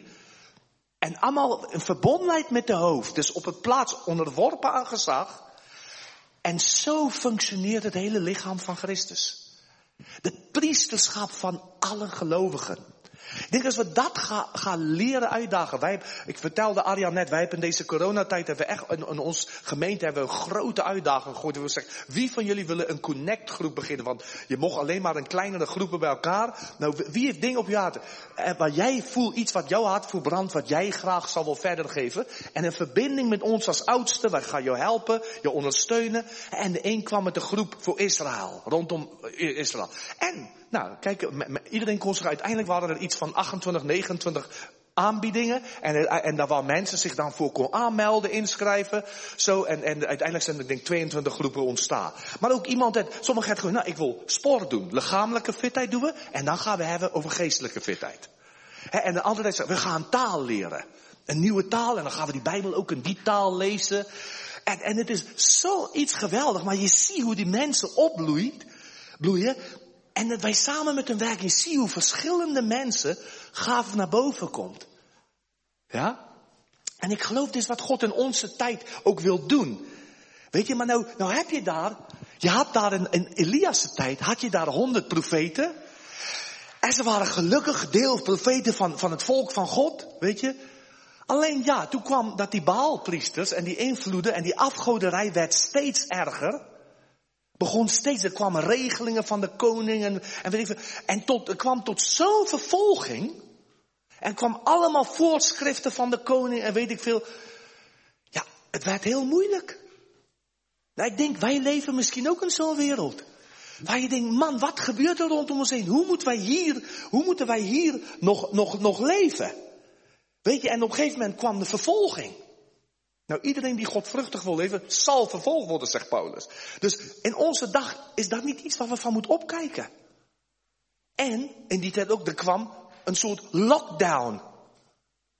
Nou ja, nou had jij onder die honderd profeten, de ene helft van die profeten die waren heel angstig. Want ja, zij, zij, ja, luister, Agap is de koning. Dus, en, en, en, en ze, ze, waren bang, ja, wij kan gedood worden. Dus alsjeblieft, laat, laat ik maar gewoon, oké, lekker lockdown. Laat mij maar lekker in die grot zitten. Maar die andere helft, die waren er helemaal niet mee eens. Die vonden dat Agap veel te veel beïnvloed werd door die Sebel. En het vond een duvelse plan en een duvelse complot. Gelukkig waren er twee grotten. Kon Abadja ze allemaal in aparte grotten zetten. Die twee groepen. Kijk, in onsdag, weet je wat gebeurde met het begin van de corona-ding? Toen gaf God mij een tekst over hoe wij hiermee moesten omgaan. Die tekst staat in Jesaja, in Jesaja 8. En ik denk, ik denk dat iedere gemeente met deze uitdaging zat.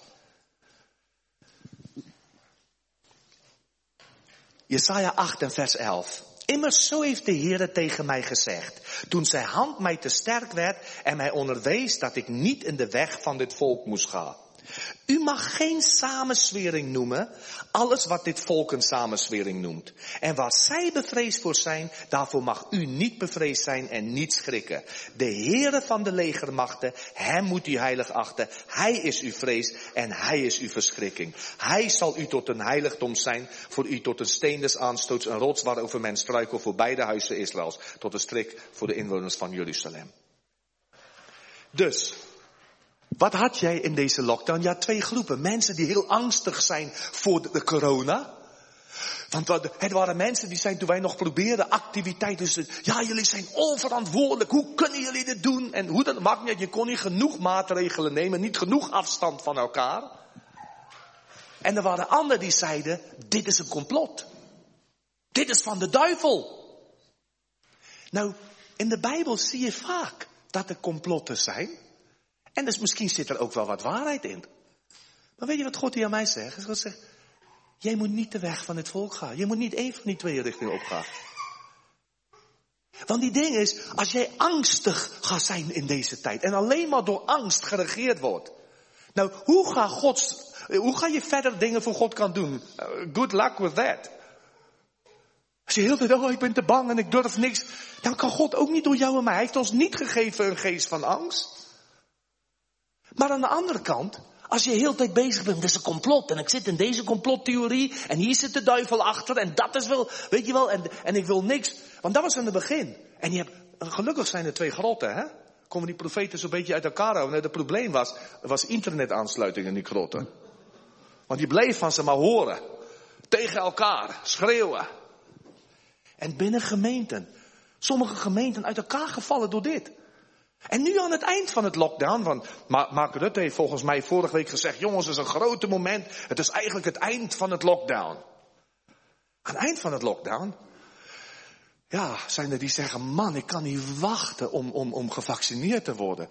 Oh, zo gauw mogelijk. Man, dit is van de Heere. God heeft de mensen dit laten ontwikkelen en ontdekken. En er is een andere groep die zegt, wat? Die vaccinatie, dat is van de duivel. Er zit een nanochip in. Gelukkig hebben we nog, weer, nog steeds die twee grotten. Dat ze elkaar niet doodmaken. En wat zegt God? Wat zegt God? Weet je wat toen God jou geroepen heeft en mij? Tot vrijheid. God zegt, hou je oog niet op deze dingen. Kijk wat erachter zit. Kijk hoe de duivel, ja, deze dingen probeert misbruiken. Kijken hoe ver zijn mensen bereid hun vrij. Natuurlijk zijn heel veel van die dingen op maat in deze systemen om steeds verder te gaan. Maar ik wil mijn oog houden op wat God doet. En ik wil weten, Heer, de Heere is mijn vrees. En of ik mij wil laten vaccineren of niet, dat wil ik uit vrijheid en eigen verantwoording besluiten. En als mijn broeder tot mij komt en zegt, oh, ik heb mij zo gauw mogelijk dan zeg ik, prijs de Heer, God zegen jou daarbij, je bent mijn broeder. En als een ander komt en zegt, oh, ik laat me absoluut niet vaccineren, dan zeg ik, God zegen jou daarbij, je bent mijn broeder. Want tot vrijheid heeft God ons beroepen. Tot vrijheid. Wij moeten de Heer vrezen. Ik wil niet in die grot blijven en bezig zijn de hele tijd op internet. Wat is weer de nieuw? Is een complot bezig hier. Ze hebben, probeer mij stil te leggen hier.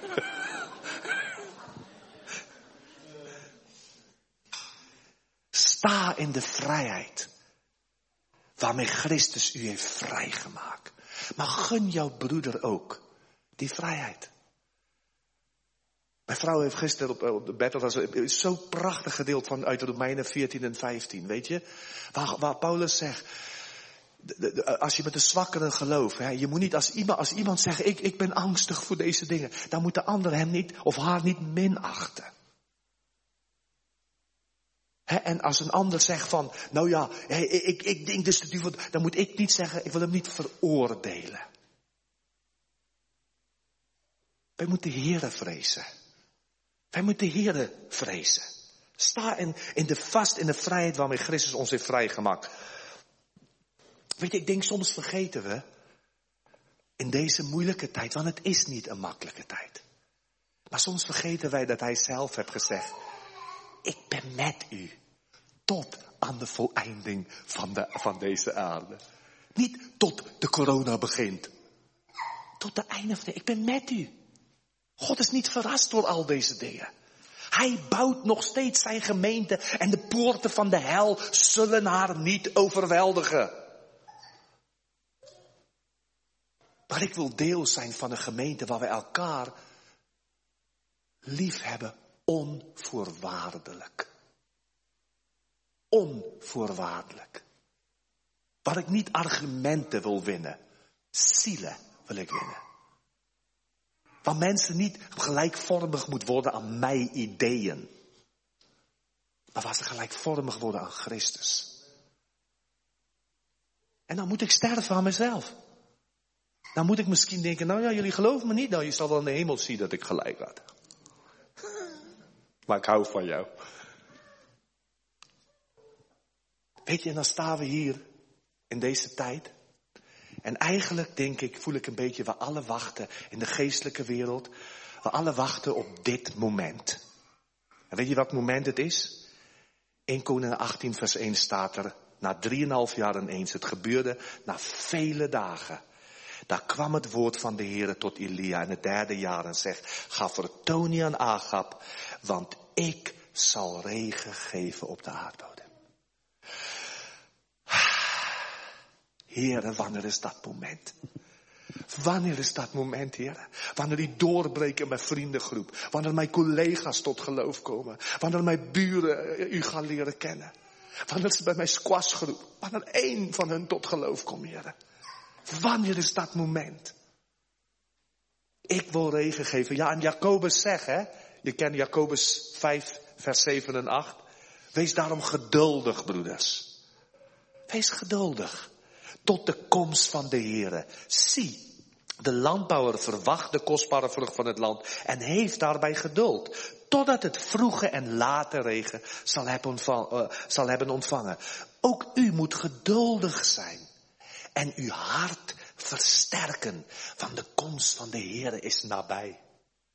Mensen, ik geloof dat wij ergens moet het zover zijn dat het die geslag is. En ik vraag jou niet om te geloven, hé, hey, het einde is nabij. Want ik geloof zelfs niet dat de Bijbel zegt dat we moeten doen. Maar wat ik jou wel wil, uitdagen, geloof jij dat jij zegt, wanneer ga je deze dingen zien beginnen? Geloof jij dat ze, dat ze begonnen zijn? Geloof je dat? Al die aardbevingen, al de, de, de, de zee, de pestziekten, uh, oorlogen, al die dingen. Israël die een natie geworden is hè, in het midden. Geloof je dat het begonnen is? Geloof je dat? En iedereen moet dat voor hemzelf vragen. Misschien zeggen, ja, ik voel dat eigenlijk al heel lang. Ik voel dat heel lang. Want als je dat gelooft, de geslacht die dat meemaakt, die zal alles meemaken. Ik geloof dat met mij heel hard. Zonder dat ik weet wanneer de Heer gaat komen. Lucas, ja, 21. Wanneer ga je deze dingen gebeuren? Hef je overwoog. Dus, dus dan gaat die moment zijn. Zonder dat we de jaren, zonder dat we de, de uh, of, of het specifieke tijd, en we hoeven ook niet. Maar ik wil mijn hart, wees geduld, en mijn hart versterken, want de komst van de Heer is daarbij. Ik weet, ik, door onze gebeden, door het woord van ons getuigenis, beide individueel en gemeentestichtend en gemeenteopbouwende werk, gaat dit woord van het getuigenis uit in de gehele wereld. Ik wil daar deel van hebben. Ik geloof. Ik wacht. Ik bid de Heer, laat het regenen. Kom met uw geest. Arjan vertelde zo mooi van dat moment die zij in 2006 hadden. Hè, heb je vorige week vertelde, verteld. Van, van dat ineens door de getuigenis van één vrouw die bevrijd werd. Dat het regen van God gewoon viel. Hoe verlangen we daarna? Verlang je niet een moment dat, dat omdat wij de Heer vrezen, dat Hij ons tempel is. Dat je ineens niets hoeft te zeggen. En, mijn squashvrienden weten ineens. Ze, hebben met, ze, ze, moeten hun leven met God in orde brengen. Dat ineens grote dingen gebeuren. En Elia die bidt dat het niet regent. Wij bidden en wonderen gebeuren. Omdat hij het doet, niet omdat wij een of andere methode ervoor proberen af te dwingen. Ik, ik verlang erna. Ik verlang erna. Ik wil niet in de grot blijven. Ik wil niet angstig blijven in wat dan ook. Ik wil me, dat Gods liefde me de angst uitdrijft. Ik heb sommige dingen waar ik denk van, oh Heer, dat benauwt me soms. Maar ik wil, ik wil bereid zijn waar God mij ook stuurt. Of het een oorlogsgebied is, of het een arme, weet je, ik was een paar jaar geleden naar, naar, naar Indië. De tweede armste provincie van Indië. Nou, het is zo vies. Het is zo verschrikkelijk vies. Wat zijn de mensen arm? wij slaapten, wij hebben niet in een hotel gewoon, wij sliepen gewoon in het huis van die, van die leider daar. En er waren andere voorgangers, die lagen op de, in de keuken, op de vloer s'nachts te slapen. En ik mocht een bed hebben. Waar ik van overal ga.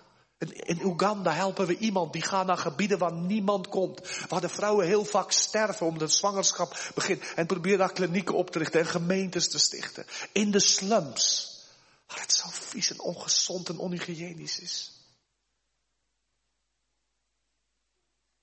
Maar wie gaat het? Hoe gaat zij weten wie hij is? Hoe gaat zij uit de klauwen van de rijk der duisternis gered worden als niemand gaat? Als er niet gemeenten zijn. En dan los gemeenten proberen als we gaan, dan proberen we met teams te gaan. Dan richten we een gebedsteam op. En we gaan vandaag mooi video's sturen. En, en er wordt gebeden. En, en laat het een gemeente-effort worden. Wij hebben als klein gemeente daar een weeshuis gesticht. 35 kinderen, we proberen te helpen. In deze coronatijd hebben we, weet je, ik heb één keer die gemeente gevraagd. Zeg, jongens, de mensen, de voorgangers in Oeganda en, en Indië, die hebben nood. En allebei keren, de mensen hebben zoveel geld gegeven ervoor. Meer, ah, veel, ik ben zo dankbaar voor de mensen rondom mij heen. Ik ben zo dankbaar voor de deel van een gemeente zijn. Dat ik geloof een levend gemeente is. Waar, waar hij in onze midden is. Er is niets kostbaarder dan dat. Maar ik gun het iedereen. En dan kijk je naar de wereld om je. En dan soms dan denk je, heren, hoe lang nog? En hoeveel mensen zal u mogen leren kennen hier in Nederland? Voordat hij komt. Ik wil niet wachten, ik wil zijn komst bespoedigen. Doordat hij mijn leven gebruikt. En weet je, en ik wil afsluiten met deze tekst. De Heer wil dat in onze harten het vaststaat. Dat Hij met ons is, dat Hij ons niet zal verlaten. En misschien moet jij in je gedachten, misschien zijn er dingen die je bij Hem in orde moet brengen. Misschien zijn er vanmiddag dingen die jij beseft, die zijn mij belangrijker geworden. Misschien zijn er dingen die jij tegen andere broeders en zusters hebt gesproken. Misschien zijn er relaties die jij moet in orde, jij moet vergeven. Zodat God kan werken. En dan staat er, wil die tekst afsluiten, Jesaja, oh, Hosea, Hosea hoofdstuk 6.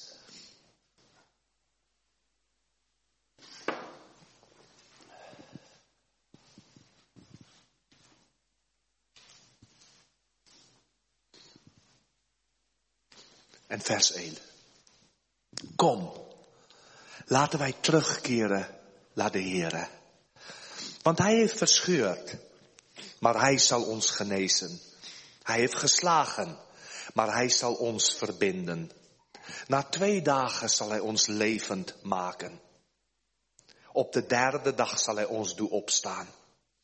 En wij zullen voor zijn aangezicht leven. Dan zullen wij kennen. Wij zullen er naar jagen de Heere te kennen. Zijn verschijning staat vast als de dageraad. Ja, hij komt naar ons toe als de regen, als de late regen die het land nat maakt. Hij komt naar ons toe. Ik heb mijn boekje over de eindtijd. Heb ik een foto van uh, een tafereel van uh, een schilderij van een zonsondergang of zonsopkomst. En, en mijn papa heeft dat geschilderd ooit. De toekomst beangstigend of inspirerend. En in 1985, toen hij dat geschilderd heeft, mij zo aangesproken, toen al. En toen zei ik, papa, is dat de zonsopkomst of een zonsondergang? En toen zei mijn papa, en het was typerend voor zijn positieve karakter. Toen zei hij, Eddie, bij mij komt de zon altijd op. Ik heb het nooit vergeten. Ik wil vandaag aan jou zeggen. Bij onze hemelse vader komt de zon op. Er is hoop voor jouw leven, weet je? Jij moet niet denken, hij kan mij niet gebruiken. Er is hoop voor jouw stad, voor jouw dorp, voor jouw familie. Er is hoop voor deze wereld. Er is hoop voor die transgender man of vrouw die niet weten wie ze zelf zijn. Ik zag een bij ons in de stad en ik zag alleen maar pijn. Er is hoop voor mensen vandaag die proberen om anderen na te bootsen. Omdat ze denken, wie, wie zal zin geven aan mijn leven? Zijn komst is zo zeker als de dageraad. Iedere keer als dat zon opkomt, moet jij het weten. Jezus komt. En hij, zegt, ook de late regen gaat komen mensen. De overwinning over de boze staat vast door het bloed van het lam, door het woord van hun getuigenis en dat ze hun leven niet hebben liefgehad tot in de dood. Hij gaat neergeworpen worden uit de geestelijke wereld. Dan kan hij niet meer doen wat hij wil. En dan weet hij, zijn tijd is kort. En dan zal God in die tijd, dan wordt het Joodse tijd. Door die Joodse instrumenten zij doodskist voorbereiden. En Jezus zelf zal hem door het zwaard van zijn mond vernietigen en tot eind leiden. Maar jij en ik hebben nu en hier een geweldige grote opdracht. Om door onze navolging van het lam, door onze gebeden, door onze getuigenis, door ons vertrouwen op zijn werk, zijn bloed, door ons te laten veranderen naar zijn beeld. Te zeggen, Heere, Ga uw gang. Vernietig de rijk van de boze en vestig uw koninkrijk. En begin in mijn hart. En dan rondom mij. Dan in onze stad, Heer, in onze gemeente. Kom, Heer Jezus. Kom snel. Laten we samen bidden.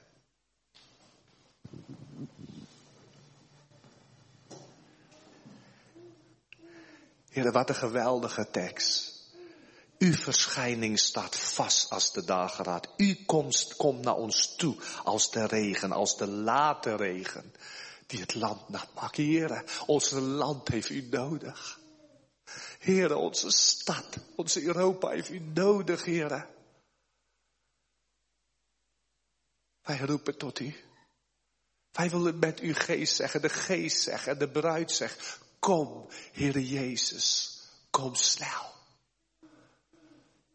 Kom, Heer Jezus, kom, kom met uw late regen. En we weten, u zal niet vertoeven om op het juiste moment zelf te komen. Maar kom, o Heer Jezus, heb u, heb u weg met ons, Heer. Wij bidden vandaag dat uit ons, door ons, gemeente mogen ontstaan, Heer. Wij willen dat niet dat mensen verloren gaan, Heer. U hebt dan geen plezier aan de dood van een goddeloze. En dank u dat u gezegd hebt, ik ben met jullie. Met u tot aan de einde van de eeuw. Wij eren u en loven u. Koning Jezus.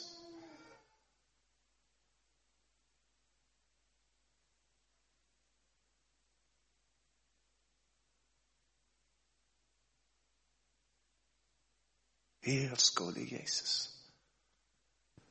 Heers over ons.